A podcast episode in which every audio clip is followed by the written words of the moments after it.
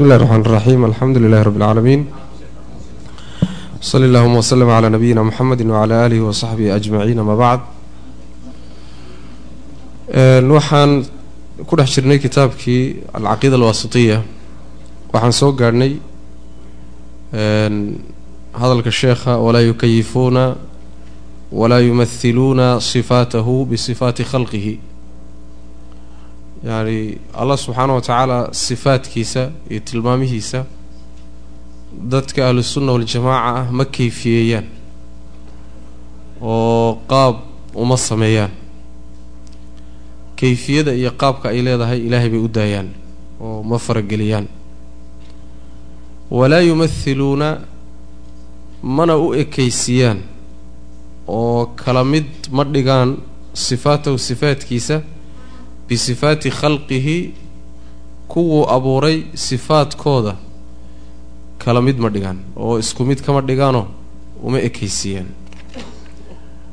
maxaa yeelay halkanaan markaynu marinay liannahu sababka aan ilaahay subxaana wa tacaala sifaadka uu qur'aanka ku sheegay ama nebigiisu u sheegay sal alla alay wasalam waxaan kayfiyana loogu samaynaynin kuwa makhluuqana aan loogu ekaysiinaynin waxa weeye liannahu cilladiiyo sababka waxa weeye subxaanahu nasahnaaye oo ceeb oo dhan ka hufnaaye laa samiya wax la mid ah lahu isaga lamidii ma jiro.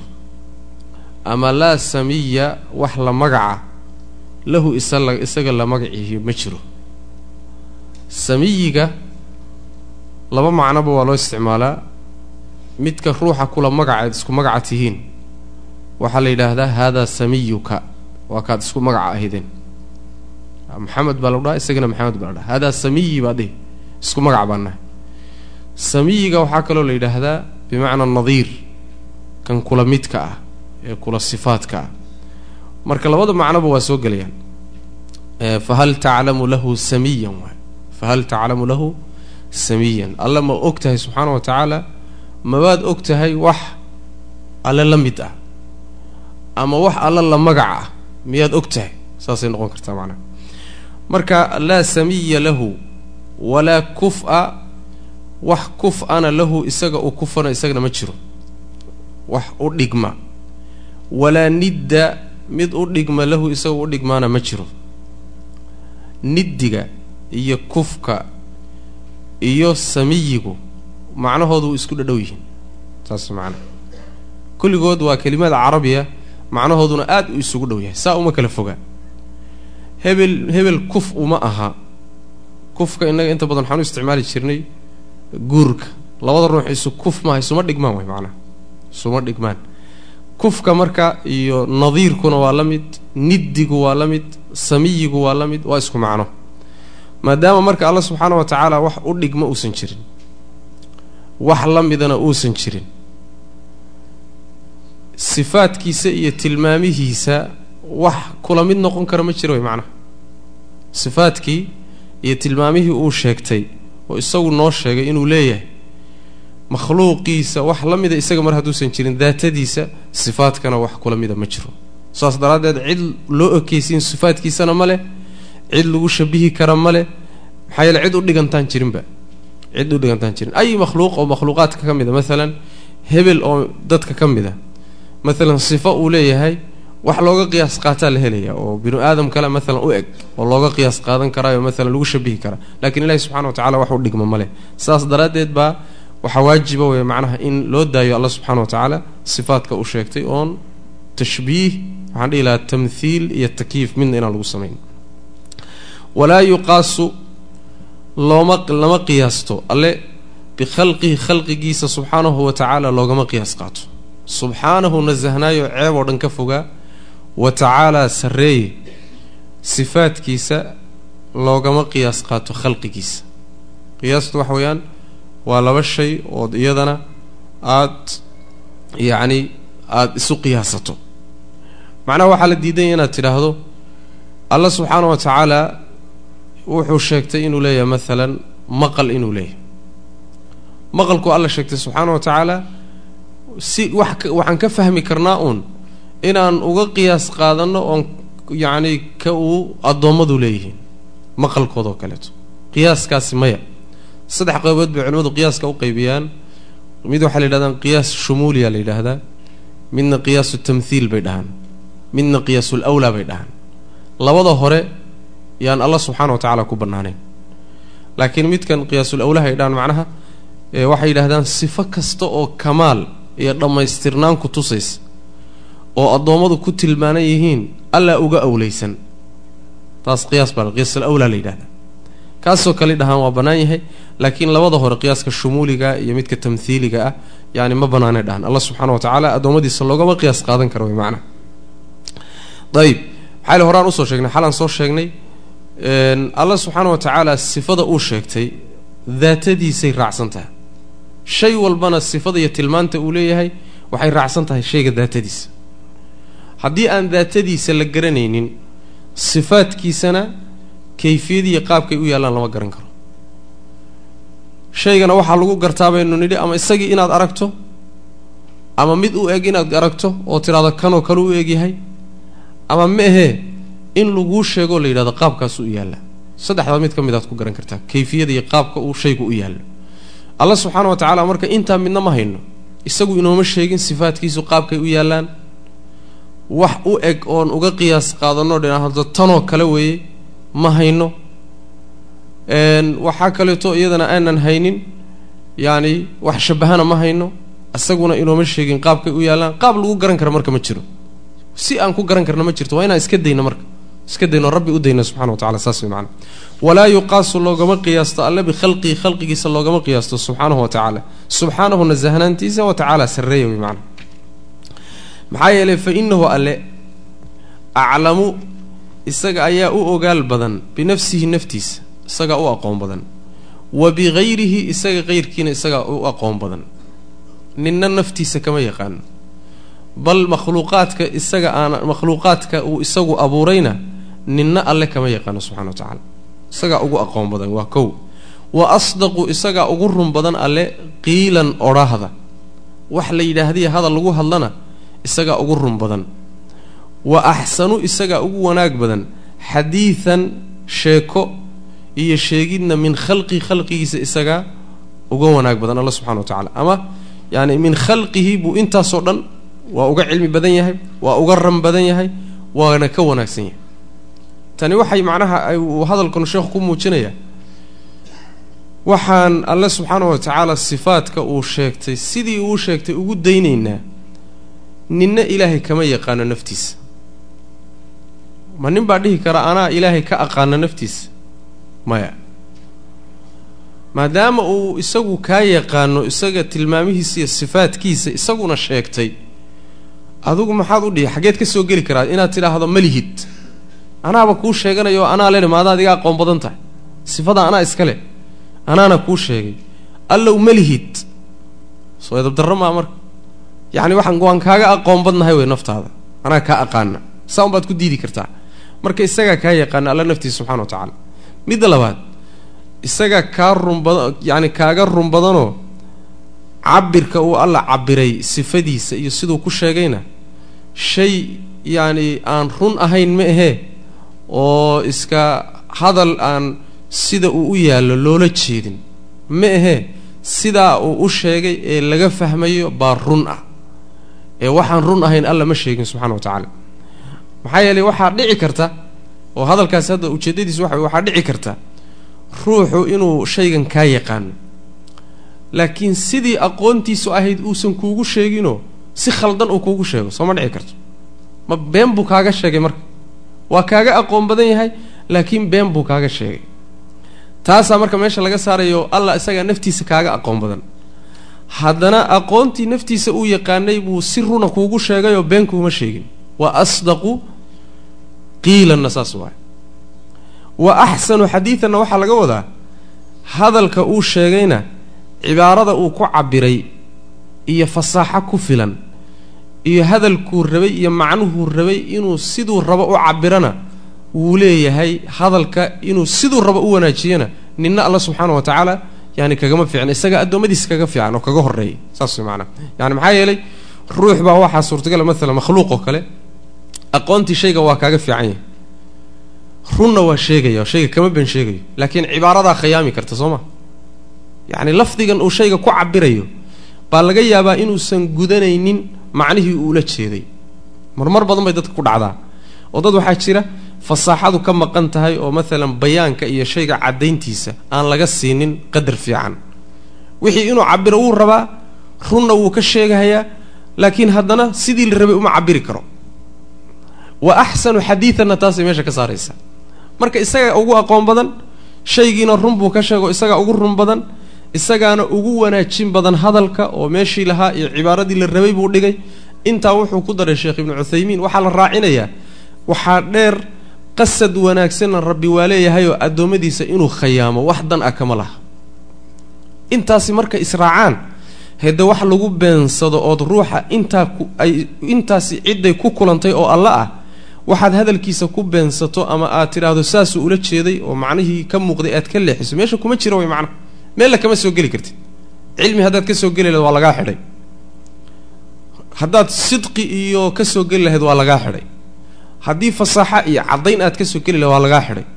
Haddii aad dhihi lahayd intaba waa sax laakiin khayaana meesha ku jirto yani waa nala sir waa lagaa xidhay. Waxaa lagu yidhi qasad wanaagsani iyo ilaahay addoommadiisoo hanuun la rabo iyo isagoon la rabin inay baadiyoobaan iyo nina alla subxaana wa tacaala maaragtay arrinkaa isagana kagama fiicna. Intaa markii laysku daro wuxuu keensanayaa intaa cidda ku tilmaaman in laga rumaysto wixii uu sheegay. Saas maanaa sidii uu sheegayna looga qaato way maanaa fa inahu alle aclamu isagaa aqoon badan binafsihi naftiisa wa bihayrihi iyo qayrkiiba alla subxana wa tacala markuu yidhaahdo istawaa cala alcarshi haddaad tidhaahdo istawlaa buu ula jeedaa. Waad khaldan tahay. Maadaa alla ka yaqaana naftiisa. Alla markuu ku yidhaahdo wax waan jeclaadaa. Ina allaha yuxibu lmuttaqiin wuu jeclaadaa jacayl markuu sheegto inuu wax jeclaado haddaad tidhahdo jacaylku makhluuqaadku ka dhacayo waa khalade ilaahay ha laga ilaaliyo maadan jeclaanina waxaad ka wadaa doonid. Waa macno khalada maadaa ilaahay naftiisa ka yaqaana saas way macnaha wixii ilaahay sheegtay isagaa isu xoogaale u daa. Wa asdaqu isagaa rabbi subxaana wa tacaala run badan qiilan xagga odhaahda. Wixii la odhan lahay hadalkana isagaa ku run badan. Wa axsanu isagaa wanaagsan xadiidan min khalqihi khalqigiisu ka wanaagsan ayib alla subxaana wa tacaala marka caddayntiisa lama tuhmi tuhumkii la tuhmi lahaa meeshaasaa laga saaray iyo meeshii laga soo geli lahaa. Waxaa hadhay dadka qaarkii inay yidhaahdaan maya intaba waa ognahay ilaahay. Laakiin rusushii uu soo dirsaday halkaa inay hadal ka keenaan.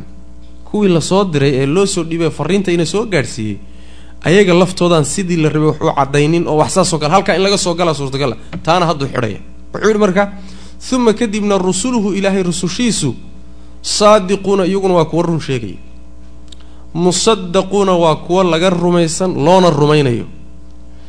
Bikhilaafi aladiina kuwiisa ka gedisan yaquuluuna odhanaya calayhi alla dushiisa maa laa yaclamuuna waxayna garanayn. A rususha ina soo gaadhsiisay ilaahay fariintuu soo dhiibay alla subxana wa tacaala. Ee innaga iyo isaga inoo dhaxaysa. Malakul jibriil iyo rusushii rasuulkeenna sal lla lay slam khaasatan innaga rusushii ilaahay uu soo dirsadayna hadalkay ina soo gaadhsiiyeen run bay sheegeen. Allana si ammaana ku jirtay uga soo qaadeen.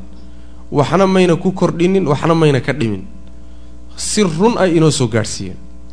Runta ina soo gaadhsiiyeenna waa loo rumaynayaa musadaquuna waxa weeye allah wuxuu ugu rumaynayaa mucjizaadka uu ku taageeray. Yaa loogu rumaynayaa.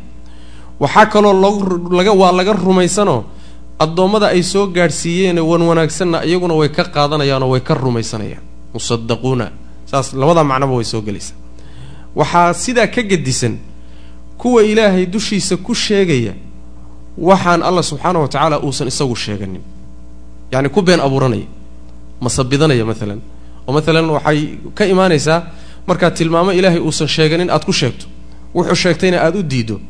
Yani hada huwa alqawlu cala allahi bim yani bigayri cilmin ku been abuurashadu waa middaa iyada way macana markaad tidhahdo ilahay carshiga kuma ekaanin markaad tidhaahdo ma soo degayo habeenka qeybtiisa dambe markaad tidhaahdo yacni yad ma laha waa been abuurad ama wuxuusan sheeganin macnihii intaad u rogto inaad macno uusan isagu sheeganin aada dusha ka saarto kii uu sheegtayna u diido taa iyadaa way macnaa kuwa noocaasoo kale samaynayahay iyaga rususha waa ka gedisan yihiin oo meesha ilaahay rususha uu run ku sheegay kuwani waa beenaalayaal meesha la yidhi musadaquuna allah u rumaynayana ayaga looma rumaynaya alla waa ku beeninaya. Qur'aanka iyo sunnada lagu beeniyey. Mu'miniinta ka rumaysanayo waa laga qaadanayaa meesha rususha la yidhi. Iyaga laga qaadan maayo dadka ahlilxaqi waa ku diidayaan oo waa lagu beeninaya. Marka waxa weye bikhilaafi aladiina yaquuluuna calayhi maa laa yaclamuna saas way macnaa inta sifaad ee rusushu leeyihiinba ayagu cagsigeed bay leeyihiin saas way macnaa uma kadib rusuluhu ilaahay rusushiisu kuwuu soo dirsaday saadiquuna kuwa rur sheegaya weeye. Musadaquuna kuwa loo rumaynaya weeyo xaqaa loo soo dhiibay wax lagaga rumaysto oo mucjizo ah buu alla u soo dhiibaya. Ama musadaquuna waa kuwa laga rumaysanayo dadka ahlul iimaankii ay ka rumaysanayaan oo ka qaadanayaan wixii alle xaggiisa ay ka keeneen. Bikhilaafi aladiina kuwiisa ka gedisan yaquuluuna odhanaya calayhi alla dushiisa maa laa yaclamuuna waxaynan garanayn waxaynan aqoon u lahayn ba iska galeen yani falsafaa wareerisay. Inta badan sifaadkan la diido asalkeeda waxaa la yimid nin la odhan jiray jacd ibnu dirham. Jacd ibnu dirham ba nin la yidhahdaa bilaabay. Markii jacdi la raad qaado meeshuu ka keenay asalkeedu waxay salka saaraysaa niman yahuud ah. In la yidhahdo ilaahay carshiga kuma eka meel kastuu joogaa. Jacd ibnu dirham baa la yimid. Isaguna markii la raad qaado oo salkeeda la raaco yahuud buu ka keenay.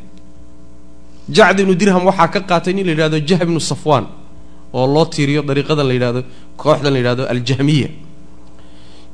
Jahmiyada waxaa ka dhaxlay afkaartoodii nimanka la yidhahdo muctasilada muctasilada waxaa ka dhaxlay iyagoo wax yaryaro khafiifiyo wax ka yara bedelay nimanka la yidhahdo kullaabiyada ashaacirada iyo maaturiidiyada fikraddu marka asalkeeda waxay salka ku haysaa waa fikra yahuudiya. Waxaa sii yacni xoojiyey falsafadii griiga ama yunaan oo xilyo dambe yani inta la turjumay kutubtoodii luqa carabiya loo turjumay baa iyaduna aada u sii xoojisay. Oo beddelkii caqiidada laga qaadan lahaa kitaabka iyo sunnada baa waxaa la aaday in falsafadii macnaha wax weyaan maaratay bulshooyinkaas la aado oo waa meesha ee ka soo baxday culimada mutakalimiinta la yidhaahdo oo yacni hadal iyo falsafad un ka dhiga caqiidadii macnaha waa ilaa kitaabka iyo sunnada haddii ruux uu ku gaabsado intay sheegayaan. Waa intan hadda macnaha wax sheekhu meesha inoogu sheegay in lamida way macnaha ayb walihaada sidaa daraaddeed buu qaala alla wuxuu yidhi subxaana waxaa nasahan subxaana rabbika rabbi اlcizati cama yasifuun wa salaamun cala almursaliin walxamdu lilaahi rabbi اlcaalamiin macnihii hadda uu inoo sheegay aayaddaasoo alla ku kulmiyey subxana wa tacaala subxaana rabbika. Rabbigaa nasahnaantiisa hufnaantiisa. Uu ceeb oo dhan ka hufan yahay. Waa masdar bay dhahaan. Saasuu weligii ku yimaadaa. Subxaana rabbika ficilkiisa go-an. Hufnaanta rabbi yacni ceeb oo dhan buu ka hufan yahay. Waxaan u qalmin oo dhan buu ka fog yahay. Wuxuu ka nasahan yahay wax walboo naqsi ah. Subxaana rabbika. Rabbilcizati cizada rabbigeeda ahaa ama saaxibu lcizati rabbiga bimacnaa saaxib ka dhiga dar saaxibu lcizati cizada iyo sharafka iyo awoodda uu saaxiibka ahaa. Camaa shay buu ka nasahan yahay yasifuuna ay ku tilmaamayaan. Waxay ku tilmaamayaanoo iyagu jeebkooda intay kala yimaadeen ay alla tilmaamaha iyo sifaadka uga dhigayaan kuwa ilaahay waa ka hufan yahay waa ka fog yahay. Wa salaamun nabadgeliyana cala almursaliina kuwii uu soo dirsada dushooda ha ahaato waalxamdu mahadna lilaahi ilaahay bay u sugnaatay allihii rabbi alcaalamiina uunka oo dhan rabbigii ahaa. Uunka oo dhan abuuray oo isagu iska lahaa. Aayaddan marka u fiirsada alla subxaana wa tacaala horta wuxuu iska fogeeyey wax kasta oo ay ku tilmaamayaan kuwa rususha jidkooda khilaafay. Rususha jidkooda kuwa khilaafay. Waxay ilaahay tilmaamo iyo sifaad uga dhigayaan alla wuu iska fogeeyey subxaana rabbika rabbi alcizati camaa yasifuun waxay ilaahay ku tilmaamayaan kuwa jaahiliintii alla waa ka fog yahay subxana wa tacala waana ka hufan yahay. Saas way maanaa maalan ilaahay ilmuu leeyahay bay dheheen carruur buu yeeshay waa ka hufan yahay. Waa tilmaan xun. Cid baa wax la wadaagta waa ka hufan yahay. Ciid baa dushiisa awood ku leh waa ka hufan yahay. Tilmaan uusan sheeganin in dusha laga saaro waa ka hufan yahay. Camaa yasifuuna taas way macnaa. Wax kastoo ilaahay ku tilmaamayaan oon rusushiisu ku tilmaamin buu ilaahay iska fogeeyey taasi waa mid. Wuxuu ku xijiyey rusushiisiina wuu salaamay. Maxaa loo salaamay? Waxaa loo salaamay leanna iyagu waxay ilaahay ku tilmaamayaan baa sax ah. Qoladii iyaga khilaafsanaydna waxay alla ku tilmaameen wuu iska fogeeyey oo wuu iska hufay. Kadibna rabbi subxaana wa tacaala ammaantuu isagu isu sugay mahadinta. Hadalkani marka saddex qaybood waa qayb ilaahay wax alla wixii ceeb oo dhan buu iska hufay. Qaybna wax kasta oo ammaan ah iyo sifaadka wan wanaagsanee laysku ammaanuu isu sugay. Oo alxamdu lilaahi rabbi alcaalamiin wey leanna ammaan wey ammaantu waxay sugaysaa wax kastoo laysku ammaano ilahay baa iskale subxana wa tacala saas way macanaha ammaanta isagaa iskale middaa markuu isagu wax isugu diiday wixii xumaydna isu diiday wanaag oo dhanna isagu isu sugay buu rusushiisii fariinta ka soo qaadaysa ee khalqiga soo gaadhsiinaysana salaam alla u jeediyey subxana wa tacala wa salaamun cala almursaliina buu rabbi yidhi subxana wa tacala saas wey macnahaasuu marka sheekhu inoo sharxaya wuxuu yidhi fa sabbaxa alla wuu hufay nafsahu naftiisa wuxuu ka hufoo ka fogeeyey camaa shay wasafahu ay ku tilmaameen bihi maagaba almukhaalifuuna kuwa khilaafsan lirusuli rususha kuwa khilaafsan. Jidka rususha kuwa garab maray sida yacni falaasifada iyo mutakalimiinta iyo yacni qolyihii hadda aan tirinaynin jidkii rusushay garab mareen. Kuwaasi waxay ilaahay ku tilmaameen alla waa iska fogeeyey oo iska hufay. Wa sallama alla wuu salaamay cala almursaliina rususha kuwuu soo dirsaday dushoodana wuu salaamay. Muxuu u salaamay? Lisalaamati maa qaaluuhu. Waxay yidhaahdeen ka nabadgashanaanta uu ka nabadgashan yahay. Waxa ay dheheen baa ka nabadgashan min annaqsi dhimanaan iyo wal caybi ceeb buu ka nabadgashan yahay rususha waxaa loo salaamay waxay la yimaadeen oy dadka soo gaadhsiiyeen oy alla ku sheegeen oy ku hadleen baa ka nabadgashan ceeb iyo dhimanaan. Saas macanaa kuwan rususha jidkooda khilaafayna waxay sheegeen baa waxaa ku idil dhimanaan iyo ceeb baa ku idil. Saas macanaa marka taasi waxay tilmaamaysaa rabbi subxaana wa tacaala ma naqaano innaga. Waxaanu kan intaan ka naqaano waa inta laynooga sheegay. Inta laynoo sheegayna yaa ina soo gaadhsiiya rususha ina soo gaadhsiisay jidka ilaahay lagu garan karo maxaa yeele waa hayb alla subxana wa tacaala hayb waaye. Haybkaasi waxaan ka garan karnaa uun inta yar ee rusushu inooga iftiimisay.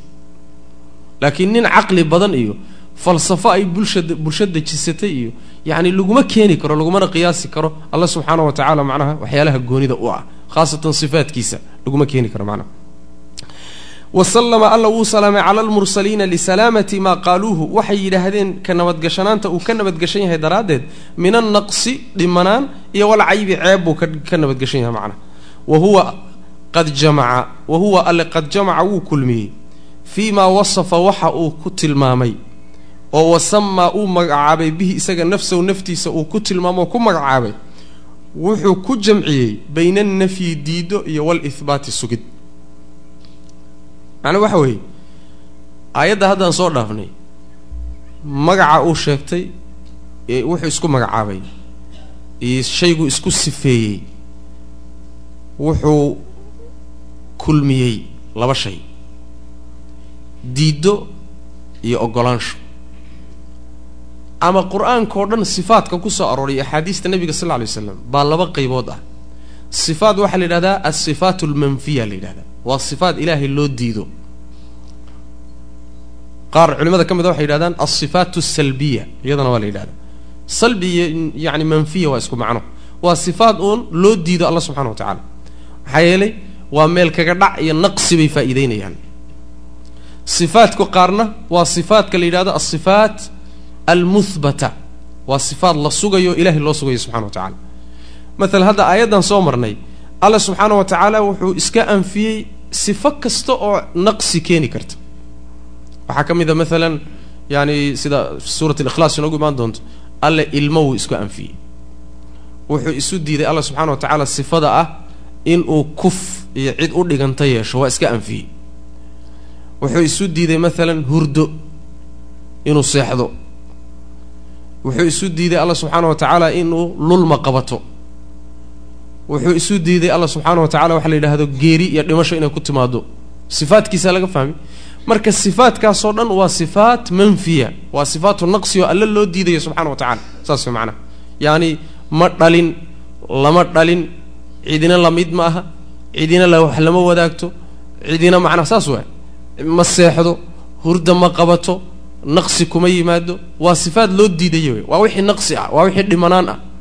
Qaarna waa loo sugayaayo waa sifaatulkamaal cilmi buu leeyahay xayaat iyo nolol kaamiluu leeyahay basar iyo arag kaamiluu leeyahay maqal kaamiluu leeyahay. Ila akhiri sifaatna waa kuwa loo sugayo waa marka wixii isagu isu diidayna diid wixii isagu uu sheegtoo sugayna in la sugaa la rabaa labadaasay sifaatku u qaybsamaan alsifaat almanfiya wasifaat almuhbata saas way macnaa waqad jamaca alla uu kulmiyey fii ma wasafa waxa uu tilmaamay dhexdiisa wasama uu ku magacaabay bihi isaga nafsahu naftiisa uu ku magacaabay wuxuu dhexdiisa ku kulmiyey sifaatkiisiiyo asmaada uu sheegtay bayna annafyi diido qaar uu isu diidayo walihbaati iyo qaar uu isu sugayo ayuu rabbi ku kulmiyey subxana wa tacala marka wixii uu isu sugayna waa in loo sugo wixii uu alla subxaana wa tacaala uu isu diidayna waa in loo diido asmaada alla subxana wa tacaala wax la tira koobi kara maa aad bay u badan yihiin ayib falaa cuduula marka. Falaa cuduula leexasho liahli sunnati ahlusunnaha ahlusunnati waljamaca ahlu sunno iyo jamaaca leexasha uma sugnaanin. Camaa shay ay ka leexdaan jaa-a ay la yimaadeen bihi isaga almursaluuna kuwii la soo diray. Maadaama aan caqiidadii ahlusunna waljamaaca qeexaynay ahlusunna waljamaaca dadka la yidhaahdo leexasho male ay ka leexdaan wixii ay la yimaadeen rusushu. Maxaa yeelay ayagu falsafo iyo caqli iyo waxay ila tahay iyo waxaa ila quman iyo ma geliyaan wixii xagga rasusha xagga alle ka yimaada rusushu keenaan. Ee waxa weeyaan waxay yidhaahdaan samicna wa atacna saas macnaa. Waan maqalay warka alle xaggii ka yimid wuxuu sheegtay maqalay waana yeelay.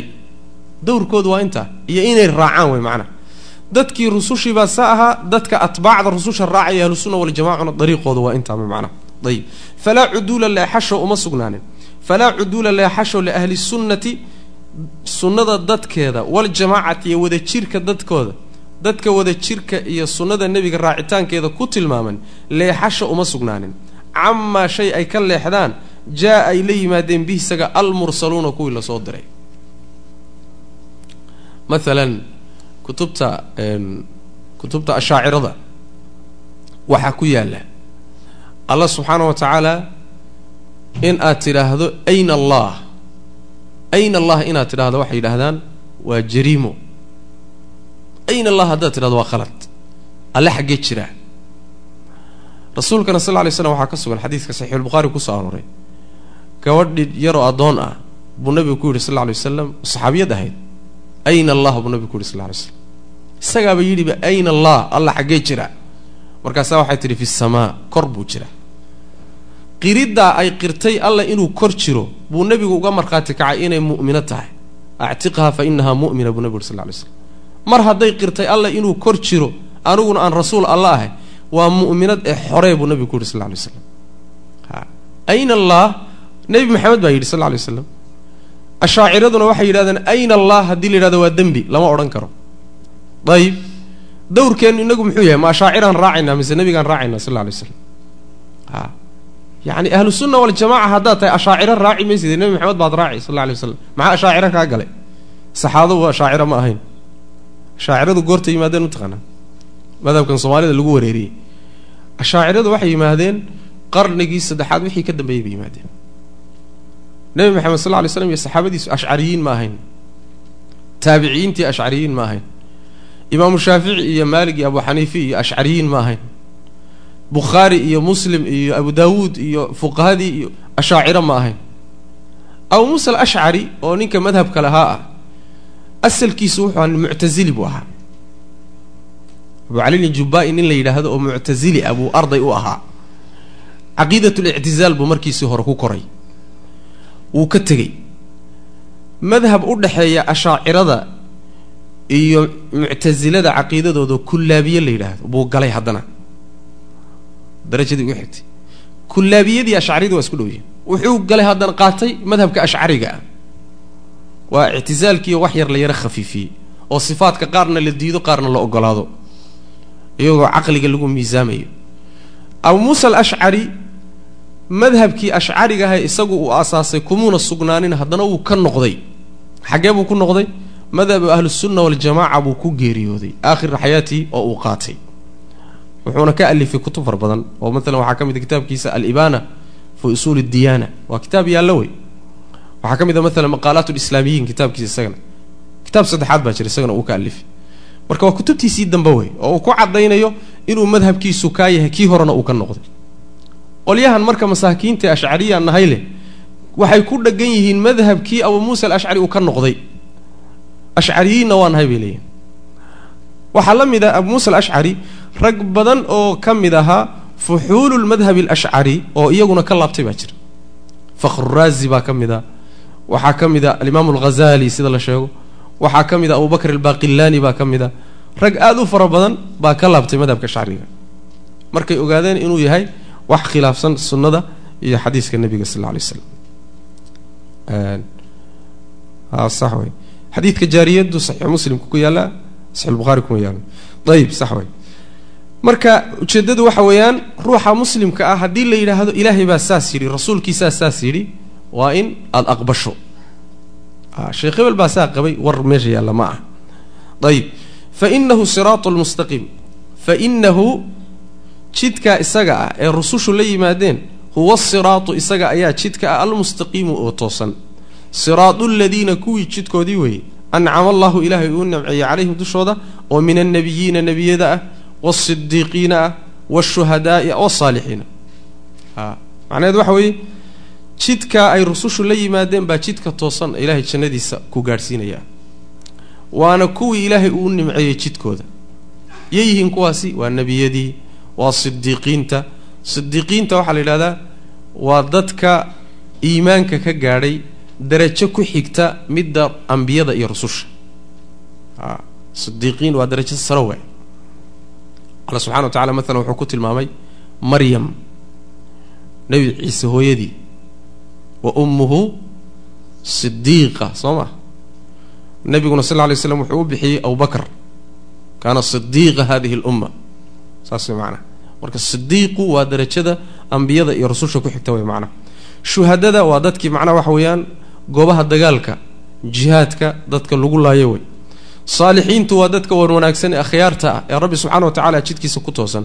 Dadkaasi jidkay mareen wuxuu ahaa in rusushu waxay la yimaadeen si duuduuban loo qaato la raaco aan yacni la diidin wax la diidiya wax la ogolaado aan loo qaybinin caqli iyo fikrad aan lala gelin siday u keeneen in loo qaato way macnaha waqad dakhala waxaa galay buri sheekhu yidhi fii hadihi ljumlati jumlada aan soo sheegnay waxaa galay maa wasafa allaahu wuxuu ilaahay ku tilmaamay bihi isaga nafsahu naftiisa uu ku tilmaamay fii suurati alikhlaasi suurat likhlaas dhexdeeda allatii suuraddaasoo tacdiilu u dhiganta thulutha alqur'aani qur'aanka saddex meelood meel ka mid a sifaadkaa aan nidhi ilaahay baa sheegtay rusushaana na soo gaadhsiisay in la rumeeyana waa waajib waxaa ka mid a kuwa ku soo arooray suurat likhlaas oo ah macnaha qul axad suuradda la yidhahda suuratu qul walla midaan naqano suurat likhlaas baa la yidhahda suuraddaasoo qur'aanka saddex meelood markii loo dhiga meel ka mid ah. Thuluth lqur-aan buu nabiga ku tilmamay sal ly slam thuluth lqur-aan bay u dhigantaa waa xadiis nebiga ka sugan. Macnaha laga wadana sida yani waxa weeyaan shekhulislaam ibnu taymiya ay rajaxayaan waxa weeye. Mufasiriin badanna ay ku tageen. Qur'aanku saddex mawduuc oo muhiim ah saddex qodob oo muhima buu qur'aanku ka hadlaa. Qodobka koowaad waa amarka iyo nahyiga oo axkaamta shareecadu ka timaado saa yeela saana ha yeelina. Waxaase xalaal buu idin yahy waxaana xaaraan buu idin idinka yahay.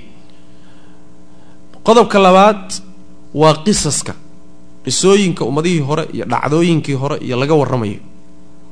Qodobka saddexaad waa tawxiidka saddexdaa tiir ama saddexdaa qodob oo qur'aanku ka hadlo mid ka miday suuratulikhlaas ka hadashaa soo ma oo ah tawxiidka. Saasay marka ku tahay qur'aanka saddex meelood meel ka mida saasay ku tahay.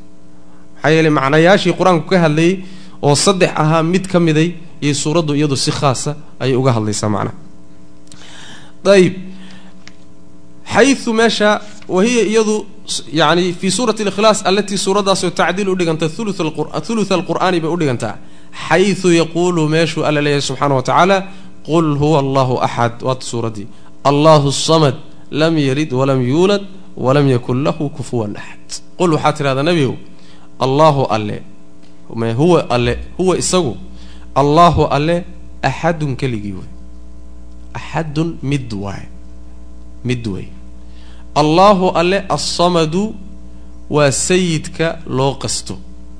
Sayidka sayidnimadiisu dhammaystiranta ee loo qasto waa. Lam yelid muusan dhalin walam yuulad lamana dhalin walam yakun muusan ahaanin.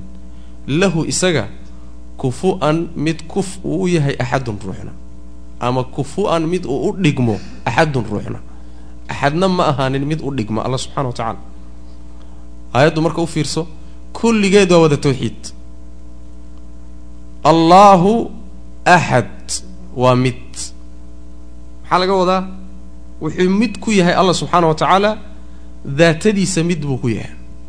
Laba ma aha sifaadkiisana mid buu ku yahayoo lalama wadaago.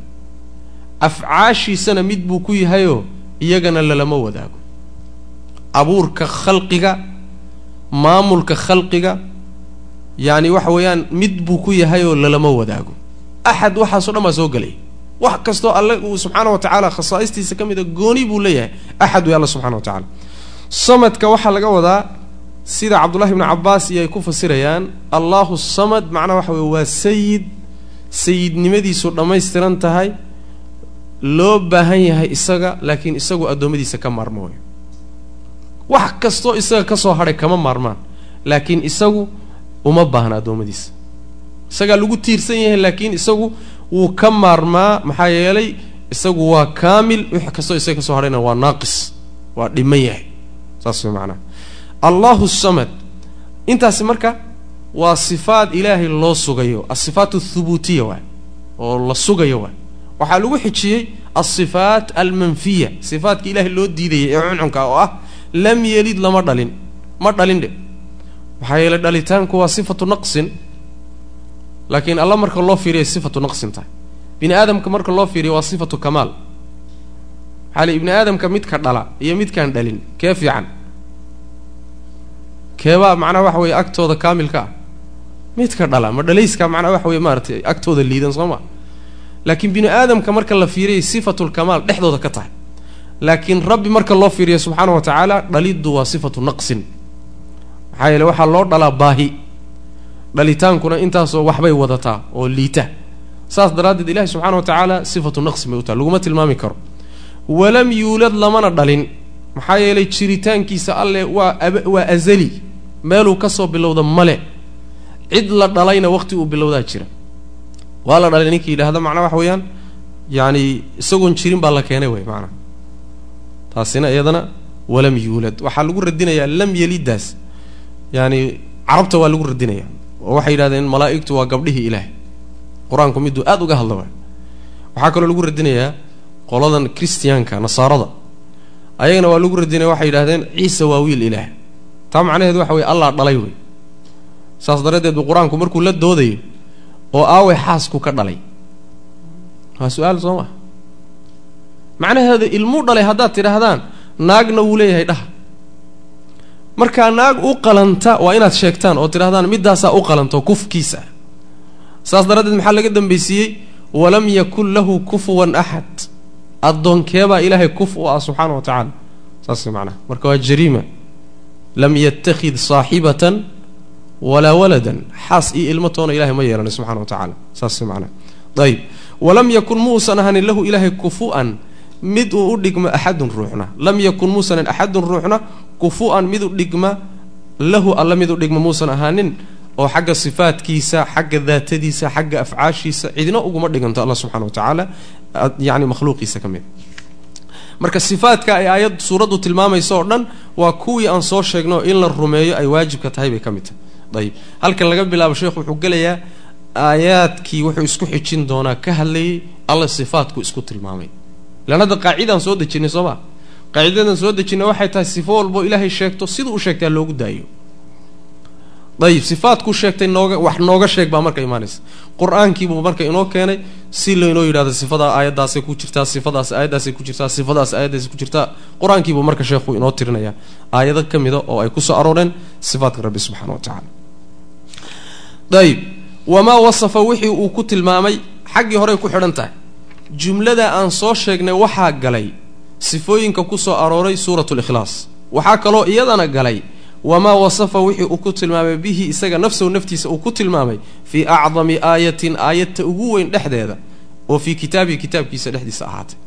Xayu yaquulu meeshuu alla leeyahy subxana wa tacaala allahu laa ilaaha illaa huwa alxayu lqayuum iyadana qur'aanka aayadihiisa aayadda ugu weyn sifaadka ku soo arooray iyaguna waa kuwa aan soo sheegnay bay gelayaanoo hala rumeeya la yidhi macnaha sidii ilahay u sheegtaa loo rumeeyo. Ayb acdamu aayatin fi lqur'aan waa aayat lkursiga waay. Rasuulkaa sheegay sal ly slam xadiidka saxiix muslimka min xadiidi ubay bni kacab ayaa nabiga sal ly slam ubay wuxuu weydiiyey ayu aayatin fi kitaab illahi acdam buu ku yidhi. Nebi allow aayadaha qur'aanka tee ugu weyn kitaabka aayadihiisa midda ugu weyn tee waay. Markaasuu nebigu wuxuu yihi sal ly slam ma nabigaa weydiiyey sal lay slam nabigaa weydiiye oo ku yidhi ubayow ma taqaanaa aayadda ugu weyn qur'aanka? Markaasuu ubay wuxuu yidhi waa aayatulkursiga nabigu waa u qiray salawaatu rabbi wasalaamu caleyh saas maanaa acdamu suuratin fi lqur'aanna tee weye ya suurat lfaatixa suuradda qur'aanka ugu weyn waa suurat lfaatixa aayadda qur'aanka ugu weynna waa aayatulkursiga saas maanaa aayatulkursiga marka waxay u noqotay acdamu aayatin fi lqur'aan ayada oo dhan waxay ka hadlaysaa ilaahay sifaadkiisa subxana wa tacala iyo waxyaalaha khasaa'ista iyo goonida u ah. Allaahu alle laa ilaaha mid xaq lagu caabudo ma jiro ilaa huwa isaga mooye. Taasi horta waa cibaadadii addoommadu ay samaynayeen isaga keligii baale. Sifatululuuhiyana way ku jirtaa. Huwa isagoo ayaa alxayu midda nolosha midka nolosha kaamilkaale ah nolosha kaamilka isagaa iskale. Alxayu waxay faa'iideynaysaa waa magac macyadiisa ka mid a waxayna faa'iideynaysaa sifada la yidhaahdo sifatulxayaa sifada nolosha. Weliba noloshiisu sida sifaadkiisa kaleba ay uga gedisan yihiin kuwa addoommada waa nolol aan dhammaad lahayn. Meelay ka soo bilaabatayna aynay jirin. Marka waa xayaad kaamila waa nolol aan naqsi ku imaanin. Cudur kuma yimaado oo dhimanaansha kuma yimaado laakiin makhluuq isaga ka soo hadhay oo dhan noloshoodu dhimanaan bay leedahay. Meel un ka dhimantahay macnaa alxayu nolosha kaamilka mid kale way. Alqayuumu oo goonida u taagan. Qayuumku saddex macnaba waa soo gelayaan qayuum waa mid keligii gooni u taaganoo aan cidna ku tiirsanayn. Jiritaankiisa wuxuu ku tiirsan yahay ma jiro. Laakiin wax kastoo isaga ka soo hadhay oo makhluuqa isagay ku tiirsan yihiin ma jiri karaan isaga la'aantii. Saas macnaa isagu laakiin cidna kuma tiirsana. Waa qayuum waxaa kaloo soo gelaya alqayuum isaga ayaa istaajiyey wax kastoo isaga ka soo hadhay. Alqayuum waxaa kaloo macnaha saddexaad uu yahay wuxuu u taagan yahay maamulka makhluuqana keligii baa u taagan. Saas macnaha marna rabbi ma gabayo subxana wa tacaala. Maalin walba xilli walba wuxuu u taagan yahay maamulka iyo kala daberidda makhluuqana isagaa alla u taagan subxana wa tacala alqayuum macnahaasi faa'idaynaysa axaadiis baa ku soo aroortay ismullahi alacdam in uu yacni alxayu alqayuum inuu yahay. Magaca weyn ee ilaahay subxana wa tacala haddii wax lagu weydiisto uu ka aqbalayo alxayu alqayuum inuu yahay axaadiis baa kuso aroortay. Huwa alxayu alqayuumu labadaas sifo markii loo sugay ama sifaadkaa loo sugay baa kuwii xumaa loo diiday. Waxaa lihi laa ta'khuduhu. Ma qabato alla subxaana wa tacaala sinatun lulmo walaa nawmun iyo hurdatoona sinada waxaa la yidhahdaa waa lulmada ka horraysa hurdada seexashada hurdada ka horraysa ay lulmada ka horraysaa la yidhahda marka lulma ma qabato hurdana kuma dhacdo. Taas macnaheedu waxa weeyaan haddii lulma ay ku imaanayso ama hurda qabanayso dee qayuumba ma aha. Marmar buu ileen macnaha waxa weye ka tegayaa soo maha yani taas waxaa ka dhalanaya inuu marmar macnaha waxa weye kaba tago maamulkiibu marka ka tegaya waa sida hadda maalan madaxweynahoo kaleeto markuu seexdo yaa dawladdii u maamulaya waa ka maqan yahay soo maha marka qayuumiyadiisa iyo xayaadka iyo noloshiisa dhammaystirnaanteeda waxaa ka mid a inaysan hurda ku imaanin. Lulmana aynan ku imaanin alla subxana wa tacala saas way lahu waxaa u sugnaaday alla subxaana wa tacaala maa fi samaawaati ciraryaalka waxa dhexdooda iyo wamaa fi l ardi dhulalyaalka waxa dhexdooda. Tanna waxay tilmaamaysaa intaasi mulkigiisa iyo boqortooyadiisu sida ay u buuxdo oo iyadan u dhimanayn. Dhulka iyo cirka iyo waxa ku dhex nooli isagaa ayaa iska leh isagaana maamula. Inay dhammaystiran tahay mulkiyadiisaa la sii caddeeye waxaa la yidhi man kee wey daakaasi alladii kaasoo yashfacu shafaaco qaadayo ergaynaya cindahu agtiisa yaa ergayn kara ilaa biidni isaga idankiisa mooyaane. Yaa ku dhiiran kara isagoon loo idmin intuu iska tago inuu cid kale ilaahay ula hadlo. Ila ergada saasaa la yidhahdaa.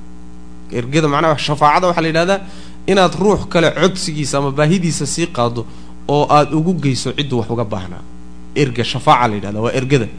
Marka yaa ku dhiiran kara oo macnaha waxa weeye awood u leh isagoon loo idminoo kaalay la dhihin shafaaco qaad yaa shafaaco qaadigoo ku dhiiran kara. Ma jiro wey macnaha walaa rusushaan ku dhiiran karin walaa malaa'igtaan ku dhiiran karin. Awliyada iyagaa iska badaaba xaggay joogtaa awliyo saas wey macnaha marka lagu ilaahay uu addoonku uu shafaaco qaadayo waa la shafaaca shafaacadu waa jirtaa laakiin waa markuu ilaahay u idmoo yidhaahdo kaale shafeeco qaad hebelna u shafeeco qaad. Ka loo shafeeco qaadayana waa in ilahay ka raalli noqdo subxana wa tacala laakiin shafaacadan adduunka lagu qaybinayo ee rag hadda maantaba ay sii qaybinayaan ay leeyihiin anaa kuu shafaaco qaadi doonaa cabsanin igu talagal. Midda la diidanya waa middaas midda rag hadda maanta sii qaybinahayaan oo dadka u sii qaybinaya waa taasaa la diidan yahay macnaha. Laakiin shafaacada waa jirtaa rusushaa shafaaco qaadi rasuulkeena ugu horreeyay salawaatu rabbi wasalaamu caleyh mid uu khaasaa jirta isaga.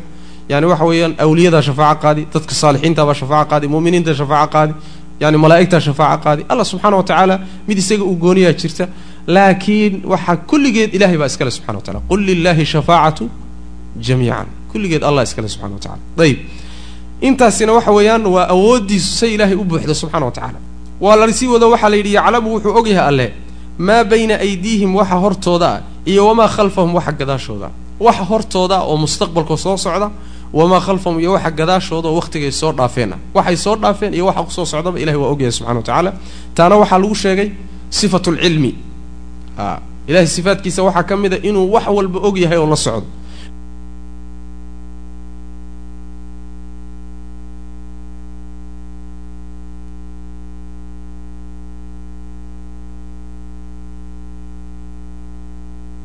ma jiro cilmigiisa wax ka hoos bixi karana ma jiro.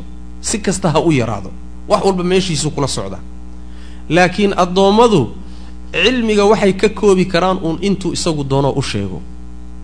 Intuu isagu uu doono unbuu yacni isagu damco unbay ka ogaan karaan. Wuxuusan isagu ugu talagelin kama ogaan karaan. Wax yar buu uga furi inta uu uga furayna waa inuu isagu ku talagalay waay. Hadda maalan yani adduunka teknolojiyadan horumarkan adduunku samaynayo maalinba wax cusub uu ikhtiraacanayo yani waxa combyuutarkii satellaytkii fulaankii telefoonadii idaacaddii ma waxaan jirin bay keeneen nimankani. Waxaan jirin miyay adduunka ku soo biireen? Waxbay abuureen? Waxba mayna abuurin laakiin sir qarsoonayd oo ilaahay cilmigiisa ka mid a wax looga furay. Saas maanaa xoogaa baa looga furay. Inta qarsoon baa badan wax jiray oo rabbi subxaana wa tacaala uu ogaa baa wax laga ogeysiiyey. Walaa yuxiituuna bishayin min cilmihi illa bima shaa. Ama cilmi diineed ha noqdo ama cilmi adduunye ha noqdo. Intuu rabbi doono subxana wa tacala unbay ka ogaanayaan. Unbay macnaha laga ogeysiinaya manaa ayib wasica wuu wuu qaaday wasica wuu u waasac noqday. Kursiyuhu alla kursigiisu alsamaawaati ciraryaalka iyo walardi dhulkaba. Kursigu waa ilaahay makhluuqaadkiisa mid ka mid ah ibnu cabbaas waxaa ka sugan inuu yidhi waa mawdicu lqadamayn labada lugood meeshooda buu kursigu yaallaa baa iyuu tilmaamay cabdullahi ibnu cabbaas oo ka sugan. Marka kursigu nebigu wuxuu inoo sheegay sal lla alay waslam horta sida ka muuqata samaawaadka iyo dhulalkaba aayaddu waxay sheegaysaa inuu ka wen yahay kursigu. Kursiga weynankaa leh waxaa ka sii weyn carshiga. Xadiis buu nebigu ku tilmamay sal lla alay waslam yacni samaawaadka iyo dhulalku kursiga marka la saaro waxay noqonayaan sidii xalqa yar wax yaroo saa u wareegsan oo dhul bahgooyaa oo aad u weyn la dhex dhigay. Qiyaas intaa la eg bay noqonayaan samaawaadka iyo dhulalkan iyo waxna. Dayib markii kursiga intaa la eg carshiga markii isagana la dhex dhigo wuxuu noqonayaa xalqa yar oo dhul aad u weyn oo bannaan oo bahgooyaa la dhex dhigay carshiga marka intaasoo goor ka weyn kursiga ka weyn. Allaha marka subxaana wa tacaala carshiga iyo kursiga intaa la eg abuuray isagu intee leegyaa marka? Miyaa la qiyaasi karaa? Waa cadama aynan cuquushu tasawuri karin.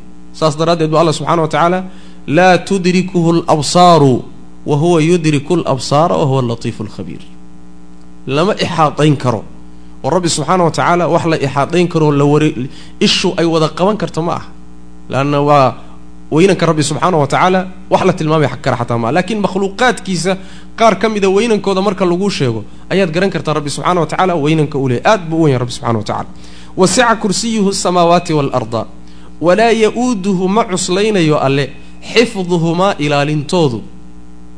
La ilaaliyo xagee dhulka iyo samaawaadka inuu ilaaliyo. Rabbi subxaana wa tacaala kuma cusla. Wa huwa isagu alcaliyu waa mid ka sarreeya alcadiimu oo weyn. Wuu cala sarreeyaa oo daatadiisu carshiga ka sarraysaa waa kow. Wuxuu wuu sarreeyaa oo culuwulqadri buu leeyahayoo sifo kasta oo kamaala isagaa iskale qadarkiisu waa sarreeyaa.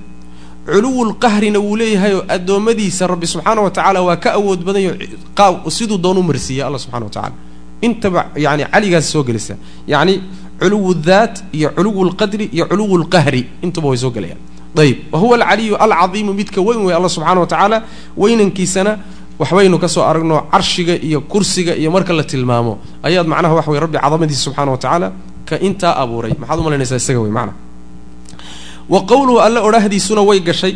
Qaacidadii aan soo sheegnayba iyaduna gelaysaa. Subxaanahu uu yidhi nasahnaantiise uu yidhi huwa alwalu walaakhiru walظaahiru walbaطinu wa huwa bikulli shayin caliim waa sifaatkii alla subxana wa tacala aayadda suurat lkursi aayat lkursiga sifaat badan baan ku soo marnay soo ma? Yani sifat lculuwi sifat lcadama yani waxa weye sifat lmulki awoodda inuu leeyahay sifat lcilmi yani maalan waxa wey maratay waa soo marnay sifat lxayaa kulli asmaadaan soo sheegnay bay ka laazimaysa wa huwa wa qowluhu ilaahay odhahdiisa uu yidhi subxaanahu huwa alwalu alla subxaana wa tacaala waa kii horreeyey.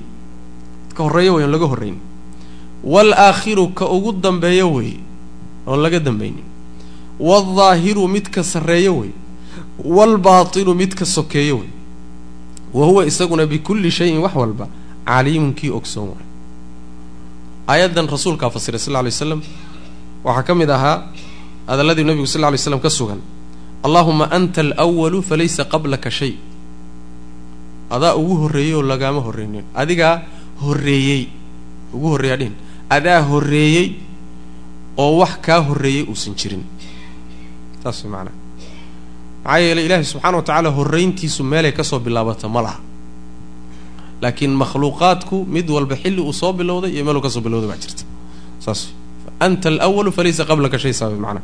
Wa anta alaakhiru falaysa bacdaka shay buu nabi uri sal alay slam adaa aakhir oo dambeeya oo cidina ayna kaa dambayn doonin. Taana waxay tilmaamaysaa jiritaanka alla subxaana wa tacaala inuusan dhammaad lahayn. Bilowgii siuusan bilowba u lahayn yuusan dhammaadna u lahayn. Ayib wa anta aldaahiru falaysa fawqaka shay. Adaa midka sarreeya oo wax kaa sarreeya ma jiro. Makhluuqaadka alla subxaana wa tacaala wax rabbi ka sarreeya ma jiro. Carshigaa makhluuqaadka ugu sarreeya carshigu wuxuu yacni waxa weeyaan rabbi baa ka sii sarreeya carshiga. Carshiga marka rabbi markuu ka sarreeyo makhluuqiisa wax ka sarreeya rabbi ma jiro subxana wa tacala wax makhluuqoo rabbi ka sarreeya ma jiro. Marka anta aldaahiru falaysa fawqaka shayun saas wey wa anta albaatinu falaysa duunaka shay. Adiga ayaa baatin ahoo wax kaa sokeeya ma jiro. Falaysa duunaka shay macnaha waxaa laga wadaa baatinka adiga ayaa addoonka addoonkaaga u dhow oo cidina ayna kaaga sokaynin. Oo macnaheedu waxa weeyaan waa xagga cilmiga ka warhaynta la socoshada aragtida maqalka ninna kaagama sokeeyo. Maxaa yeeley addoonka adiga oo garab taaganoo halkan fadhiya waxa uu naftiisu ku sheekaysanayso ma maqlaysid. Laakiin rabbigii abuuray baa la socda soo ma? Saas maanaa baatinka saasaa laga wadaa. Baatinku bimacnaa qariib oo kaley u dhowda. Adaa addoonka ugu dhow oo cidina ayna kaa xigin wey macnaha wa huwa alla bikulli shayin wax walba caliimun kii ogsoon wey taana waxay tilmaamaysaa sifatu lcilmi wa qowluhu ilahay odhahdiisa subxaanahu uu yidhi watawakal tala saaro cala alxayi midka nolosha kaamilka a leh ee noolaha alladii midkaasoo laa yamuutu aan dhimanaynin. A yaani ilaahay subxaana wa tacaala yani inuusan dhammaad lahayn noloshiisu bay macnaha ku tusayaan laakiin makhluuqa intooda kale noloshoodu dhammaad bay leedahay. Wax kastoo ilahay ka so hadhay subxana wa tacala dhimashuu leeyahy geeri waa maraya saas maana saas daraaddeed bu nabigu sal lla alay slam yani waa kii xadiiska saxiixa laha markii malakulmowtka markuu makhluuqaadkii soo dhammeeyo baa isaga la keenayaa sidii isagoo wan u ego malakulmowt yaan dhihina ha mawtki mawtki. Markaasaa yani la biraynaya. Marka cid aan geeri maraynin oon alla ahayn ama geeri ayna ka suuroobin oon alla ahayn ma jiro subxana wa tacala saas way maanaa nolol kasta oon ta alla ahayn bilowna way leedahay dhammaadna waa leedahay. Ama dhammaad waa ka suuroobaa laakin ta rabbi subxana wa tacaala maya watawakal cala alxayi aladi laa yamuut macnaheedu saas way maanaa waljinnu allahu laa yamuutu waljinu walinsu yamuutuuna ba xadiiska nebiga sal ly slm alla ma dhinto laakiin insi iyo jinni waa dhimanayaan wa qowluhu ilahay odhahdiisa taana waxaa inoogu waxay yani yani ka helay laba sifo oo midna ilaahay loo sugayo midna loo diidayo midda loo sugayo waa sifatu lxayaa midda laga anfinayo loo diidanayo waa sifatu lmowt geerida way maanaa ayb wa qowluhu ilahay odhahdiisa uu yidhi wa huwa alcaliimu alla waa midka yani caliimka ah alxakiimu oo haddana xakiimka. Caliim iyo xakiim waa laba magacoo alla leeyahy subxana wa tacaala. Laba sifaa ka dhalanayso sifatu lcilmi waan soo marnay. Xakiimna magacaasi wuxuu faa'iideynayaa sifatu lxikma xikmaddu waxa weeyaan shay walba meeshii uu lahaa la dhigo. Wax kastoo uu samaynayo wuxuu ku hadlayo wuxuu sharciyeynayo wuxuu jidaynayo ciyaar ciyaar iyo bilaash kagama yimaadaan. Wax walba xikmad buu ku soo fulaa. Wax walboo xikmad ku soo fulana booskuu lahaa buu dhigaa. Meeshii uu u qalmay ee uu lahaa buu dhigaa. Saas daraaddeed ba wadaadadu waxay dhahaan soomalidu waxay dhihi jireen huwa alxakiimu waa midka yacni sarmaseegto aan lahayn bay dhahaan. Sarmaseegto. Sarmaseegto macnaha waxay dhahaan jabaadiyaha markii ninkuu geedka goynayo geedka markuu gudunta ku goynayo meel baa jirta gudunta marka ugu horreysa ay ku dhacdo. Dhinka marka geedka goyn yaqaana halkii mar meeshii ugu horreysay guduntu ay ku dhacday buu yaani ku dabawadaa oo lama seego. Laakiin ninkan gud geedka goyn aqoonin marna meel buu kaga dhuftaa marna kor buu kaga dhuftaa marna hoos buu kaga dhuftaa. Macnaheedu waxa weeyaan meeshuu wax la rabay rabbi subxaana wa tacaala lama seego. Xakiimku waa saas. Meeshuu wax la rabay lama seego. Shay walba meeshii uu lahaa buu rabbi dhigaa subxana wa tacala waa tilmaan addoommadu ayna lahayn. Adiga waxbaad dacmay damcaysaa wixii aad rabtay maadaama cilmigaagu naaqis yahay tabartaaduna ay naaqis tahay waxaa laga yaabaa inaad ka soko dhigto meeshii uu lahaa. Ama ka shisha mariso. Saas way maanaa ayib wa huwa alle alxakiimu weeye alkhabiiru. Tanna waa magaca xakiim sifatulxikmi wadataa khabiirna waa magac kale isagana. Alla subxaana wa tacaala arrimahan si daqiiqa xogogaal buu yahay cilmi baa iyada lafteedu faa'idaynaysa laakiin khibradu waa ka gudaweynta waa macnaha ka xeel dheer tahay cilmiga. Yani waxa weeyaan shay walba daqaa'iq tafaasiisha yuu shay walba ogsahay ogsoon yahay alla subxana wa tacala ayib yaclamu alla wuxuu og yahay maa yeliju waxa gelaya fi lardi dhulka dhexdiisa. Wamaa yakhruju iyo waxa ka soo baxaya minhaa dhulka xaggiisa. Wamaa yanzilu iyo waxa soo degaya min asamaa'i xagga sare. Wamaa yacruju iyo waxa koraya fiihaa samada dhexeeda wixii koraya alla waa ogyahay subxana wa tacala wuxuu og yahay wax walba way. Tusaalayaal waxaa ka mid a wax kastoo dhulka gelaya. Sida maalan xabadda la gelinayo lagu beerayo yani beerta la gelinayo o kale maalan biyaha gelaya oo kaleeto maalan yani cayayaanka gelaya oo kale maalan macdanta gelaysa oo kaleeto maalan wax walboo dhulka gelaya alla waa ogyahay subxana wa tacala waxaa kaloo uu og yahay wamaa yakhruju minha waxa ka soo baxaya dhulka beerta ka soo baxaysa geedaha ka soo baxaya ilaha biyahee ka soo baxaya macaadinta ka soo baxaysa alla subxana wa tacala waa ogsoon yahay wamaa yanzilu min asamaa'ina waxa weye waxyaalaha samada ka soo degaya alla waa ogyahay subxana wa tacala barafka ka soo degaya dhibicda ka soo da'aysa yani waxa weeyaan maalan sawaaciqda ka soo dhacaysa malaa'igta ka soo degaysa naxariista ka soo degaysa risqiga ka soo degaya alla waa la socdaa subxana wa tacala waxba kama qarsoona wamaa yacruju waxa koraya fiihaa samada waxa korayana alla waa la socdaa subxana wa tacala waxyaalaha koraya waxaa ka mid a iyadana maalan malaa'igta kor aadaysa. Waxaa ka mid a maalan camalka wanaagsan ee addoommadu sameeyeenoo kor aadaya waxaa ka mid a maalan shimbiraha duulayo iyaguna kor aadaya waxaa ka mid a maalan nafta bini aadamkaee la qaadaya kor aadaysa. Wax alla wixii kor aadayana alla subxana wa tacala iyadana wuu ogyahay macnaha waxba kama qarsoona waa. Wax ilahay ka qarsoon mar jiro subxana wa tacala marka cilmi muxiit ah oo wax walba koobay buu alla leeyahay subxana wa tacala wa cindahu ilahay agtiisa waxaa ahaaday mafaatixu lghaybi waxyaalaha qarsoon furayaashooda yacni asbaabtii loo mari lahaa. Ama mafaatixu lghaybi waxaa tidha waa laba tafsiire. Mafaatixu lghaybi waxa qarsoon oo ka maqan addoonnada addoommada khasnadahooda. Khasnada uu qeybku ku kaydsan yahay ilaahay agtiisu ahaada mafaatiix mafaatixdaasaa laba macno leh. Inay furayaasha noqoto marka waxay noqonaysaa asbaabtii loo marayey iyo jidkii qeybka loo mari lahaa lagu garan lahaa ama waxay noqon karaan khasnadihii uu qeybku ku jiray ee ku qarsoonaa ilahay agtiisay ahaada wa cindahu mafaatixu lghaybi qeybkiiyo waxaa addoommada ka qarsoon ka yacni khasnadihiisu ilaahay agtiisay ahaadeen. Laa yaclamuhaa ma oga khasnadahaas ilaa huwa isaga mooyaane. Isaga unbaa ka warhaya. Cidina lama oga. Xataa qaarkooda waxaa jira aynan xataa malakul jibriil iyo ka warhaynin nebi maxamed uusan ka warhaynin salawaatu rabbi wasalaamu caleyh waxaaba ka midaba markuu malakul jibriil nebiga u yimi sal lla alay waslam oo uu ku yidhi akhbirnii can isaaca qiyaamadu markay dhacayso bal iiga warran. Muxuu ugu jawaabay nebigu sal lla lay slam ma almas-uulu canha biaclama min asaa'il ka wax la weydiinayo oo isaga isku wada ka weydiinaya ugama xog roona. Adig iyo anigu jibriilow meel baan ka wada joognaa way macana ha marka saacaddu goortay qumayso jibriilna ma oga nebi maxamedna ma oga salawaatu rabbi wasalaamu caleyh wadaaddaa gadaal dambe soo baxo waxay yidhahdeen yaani qiyaamadu waqtigay dhacayso waanu garannayoo waa kun iyo shii. Kun iyo shii. Haddana iyagii baa isburiye waxay yidhahdeen shiigaansan la garanaynin intuu yahay kunka la garayay. Waa yaani waxa wey waa waa wax malaa yacni waxba kuma fadhido wa waxay jibriil iyo nebi maxamed ka caajiseen oo garan waayeen. Ninka garan kara ayuu yahay. Marka waa waxyaalaha ilahay gooni leeyahay subxana wa tacala ayb laa yaclamuha ilaa huwa. Wa yaclamu alla wuxuu ogyahay maa fi lbari waxa berriga dhexdiisa iyo walbaxri waxa badda dhexdeeda. Ah badaha waxa ku dhex jira alla waa ogyahay berriga waxa dhexdiisaana waa ogyahay wamaa tasqutu ma rido. Geeddii min waraqatin yacni caleen ma rido ilaa hadday rido yaclamuhaa alla waa ogyahay subxana wa tacaala. Geedaha caalamka ka batay waxa caleen ka dhacaya markay dhacayso ilahay waa la socdaa subxana wa tacala geed walba caleenteeda markay daadinayso waa lala socdaa lama mooga. Wamaa tasqutu ma rido geeddii min waraqatin caleen ma rido ilaa yaclamuhaa waa ogyahay alle. Walaa xabbatin xabadna ma jirto.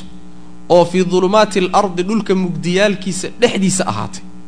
Walaa ratbin mid qoyani ma jiro walaa yaabisin mid ingeganna ma jiro ilaa haddii uu jiro fii kitaabin kitaab dhexdii buu ahaaday mubiinin oo cad a yacani waxa weeyaan xabadda dhulka lagu aasay ee mugdiga dhulka ku dhex jirta.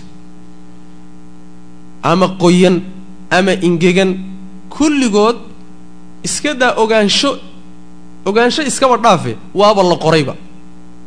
A kitaab cad bayba ku qoran yihiinba. Looxul maxfuudka waxaaso dhan ku qoran yihiin adduunka sanadkiiba inta caleen ka soo baxaysa iyo caleentaasi goortay daadanayso iyo mid walba meeshay ku dhici doonto iyo meeshay ku dambayn doonto alla waa ogyahay subxana wa tacaala. Saas way maanaa yaani xataa waxaa la yidhahdaa oo qur'aanku meelo badan ku sheegay waxyaabo aan dhicin aanan dhici doonin oo inay dhacaan aynan marna suuroobi karaynin. Haddii ay dhici lahaayeen qaabkay u dhici lahaayeen alla wuu garanaya subxana wa tacaala. Saas way maanaa ma dhacayaan ma dhicin weli mana dhici doonaan. Waa mustaxiil inay dhacaan. Laakiin haddii lagaba soo qaadaba inay dhici lahaayeen qaabkay u dhici lahaayeen alla wuu garanaya subxana wa tacaala saas way maanaa qur'aanku marar badan yani aayado fara badan buu macnaha ku tilmaamaya. Yani waxyaalaha mustaxiilaadkaa xataa haddii la qadari lahaa rabbi wuu garan subxana wa tacala waxba kama qarsoona. Saas way macnaha.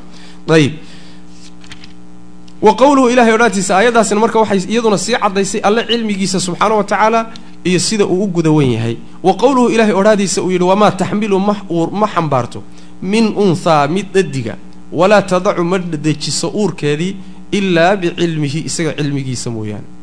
Ogaanshihiisa unbay ku uur qaadaa kuna dejisaa. Yacani haweeneedu markay uur qaadayso waa lala socdaa. Waa wax la qorsheeyey. Markay dejinayso umulayso waa un wax la ogaa oo laga warhayey. Saas way macanaa wa qowluhu ilahay odhaahdiisa uu yidhi middaasina weli waxay cilmigii waay. Cilmi wax walba ku dhacaya. Wa qowluhu alla odhaahdiisa uu yidhi litaclamuu inaad ogaataan daraaddeed ana allaha alle calaa kulli shayin wax walba dushiisa qadiirun yah mid awooda. Wa ana allaha allana qad axaata inuu koobay bikulli shayin wax walba cilman cilmi inuu ku koobay. Laba sifay faa'idaysayoo awoodda rabbi subxaana wa tacaala inaysan waxna ka hoos bixi karin. Iyo cilmiga allah subxaana wa tacaala inaysan waxba ka hoos bixi karin. Yacni alqudra waalcilmu waa laba sifo oo makhluuqaadka oo dhan ay soo hoosgelayaan way macnaha kaa'inaadka o dhan. Wa qowluhu alla odhaadi subxaana wa tacaala uu yidhi ina allaha alle huwa arasaaqu waa midka risqi bixinta badan masruufidda badan addoommadiisa masruuf. Dulquwati weeye awood quwadda midka u saaxiibkaa we almatiinu oo macnaha daran. Almatiinu oo daran. Almatiin bimacnaa shadiid waay. Waa sifo ilahay sifaatkiisa ka mid a subxana wa tacala marka sifatu risqi iyo sifatu lquwa iyo sifatu lmatana saddexdaas sifo ayay aayadduna sheegtay. Huwa arasaaqu dulquwati midka quwadda u saaxiibkaa weeye almatiinu ee adag weeye alla subxana wa tacaala ayib wa qowluhu ilahay odhahdiisa uu yidhi subxaana wa tacaala laysa muusan ahaanin ka milihi alla oo kale shay-un waxna. Wax ilaahay la midii ma jiro. Wa huwa isagu assamiicu midka maqlo weeye albasiiru oo arka. Tanna maxay inoo sheegtay? Laba sifo oo ah sifatu samci waalbasar alla subxaana wa tacaala inuu waxna arko waxna maqlo. Ayib oo makhluuq kastoo isagana lama dhaho hada samiic wa hada basiir. A fulaanun samiic wa fulaanun basiir baad dihi hebel waxbuu arkaa hebel waxbuu maqlaa. Samiic basiir. Saas waa la odhan karaa. Ayib maxay ku gelgedsan yihiin marka? Markaad ilaahay samiic ku tilmaantay ama basiir aad tidhi soo maada ku shabihin makhluuqiisa? Maya. Mujarad yaani uun kelimaadka uun samciga samci sif magacaa uun mooyaane laakiin sifadu cidda lagu tilmaamay mar walba raacsan tahay. Maalan yaani haddaan soo dhowayno jannada waxaa lagu sheegay khamraa taalla caanaa yaalla malab baa yaalla soo maa biyaa yaalla. Ma kuwan adduunkay la mid yihiin? Magaca ka dhexeeya keliya ma keenayaa inay isku mid yihiin maya wax isku dan wax isku shaqaa maa wax isku shaqaa maa saas way macnaha marka alla subxaana wa tacaala samciga u sug tidhahdaa samcigiisu ka addoommada kale maaha. Intaa un baa la rabaa. Ka addoommada kale inuusan ahaynna waa inaad rumaysa macnaha wa qowluhu alla odhahdiisa uu yidhi ina allaha alle nicibmaa yacidukum. Wuxuu idinku waaninayaa nicmo lahaaday bihi isaga. Wuxuu idinku waaninayaa nicmo leh. Ina allaha allana kaana wuxuu aday samiican midkii arkaya maqlaya dheh. Samiican midkii maqlaya samiican midkii maqla ah. Oo wax kasta maqla basiiran oo arka ah wax kasta uu arkaa isagii makhluuqiisu waxay ku kala gedisan yihiin alla subxaana wa tacala sifadan oo kale marka la fiiriyo. Adiga maqalkaagu xad buu leeyahay. Haddaad derbigaa dhankaa ka marto darsiga meesha ka socda ma maqli karti si kastood u dhaga fiiqfiiqanta. Soo ma? Araggaaguna xad buu leeyahay. Xad waxaa jira uusan wixii ka sheeya qaban karayn ruuxa ugu indha fiiqfiiqan xad buu wax ka arkaa. Makhluuq oo dhanna waada saas laakiin alla araggiisa subxaana wa tacaala isaga wax soo celiya ma jiro. Maqalkiisana wax soo celiya ma jiro. Adiga hadda maalan yaani haddii dhowr nin ay hal mar hadal wada sheegaan oo kaana dhawaaqo kaana dhawaaqo kaana dhawaaqo codkuna hal mar ku soo wada gaadho hal mid unbaad qaban kartaa soo ma laakiin allah subxaana wa tacaala hal mar waxaa wada baryaya intaasoo milyan oo makhluuqiisa abaa hal mar u wada dhawaaqanaya mid walbana codsigiisa alla subxana wa tacala si gooniyu u maqlaya si gooniyuusan alla uga jawaabaya subxana wa tacala wal u fiirso markaba samci samci la dhahayay laakiin samci ma samci buu la mid yahay basarse ma basar buu la mid yahay la mid maaha wey macanaa saas weyaan shubhadaa marka waa shubhada dhalisay inay dad badan ay diidaan. Firaqa intooda badan waxaa geliyay inay sifaadka inkiraan wax kale ma ah. Sifadii markay sugaan unbay waxay ka dhex arkeen. Sifadan haddaad sugtaan aleelahay waxay keeni kartaa in ilaahay addoommadiisa aada ku shabahdaan halkaa unbay ka dhex arkeen dayib xalku muxuu yahay waa inaan dhahno sifo ma laha si aan ugu diidno qaar badan waxaa ku xambaaray inay sifaadka diidaan niyad sami iyo ilaahay inay nasahaan ooy ka nasahaan addoommadiisa inuu shabaho laakiin nasihiddii baa la khaldantay. Meel xun bay la gashay maanaa saas way maanaa nasihiddii bay si u fahmeen. Marka horeba waxaa khaladaan nidhi. Markii ilaahay la yidhahdo sifadaasuu leeyahay in qalbigaagu u degdego sifadii makhluuqaadka oo shabahu markaba uu soo gala qalbigaaga taasaabaa khaladaba leanna marba haddaad garatay khaaliq in la tilmaamayo khaaliq tilmaantiisu ka addoommada inaysan marna isku meel geli karaynin. Qaطcan waa in markaa horeba qalbigaagu uu macnaha fahmo waay. Saas macnaha. Ayib taana waa sifatu samci walbasar waay. Wa qowluhu ilahay odhaadii subxaana wa tacaala uu yidhi walowlaa id dakhalta jannataka qulta maa shaa allah laa quwata ila billah. Halkaa waxaa ka bilaabanaya sifaadka sifatu lmashii'a iyo iraadada. Dhowr aayadoodoo soo socdo kaga wada hadli doonaa. Marka aan halkaa ku joojin. Hada wabillahi tawfiiq. Sala allahuma waslama calaa nabiyina mxamedi wala alihi wasaxbi waslem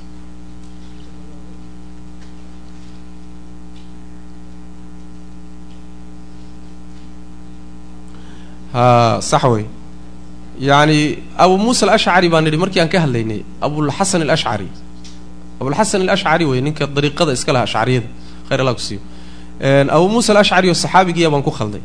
Labadooduba macnaha isku qabiilay u nisba sheegtaan laakiin ninka dariiqadan ashaacirada iskale abulxasan waa. Saxaabiguna wuxuu ahaa abu muusa alashcari marka sabqu lisaan waa alla saxo wallahu aclam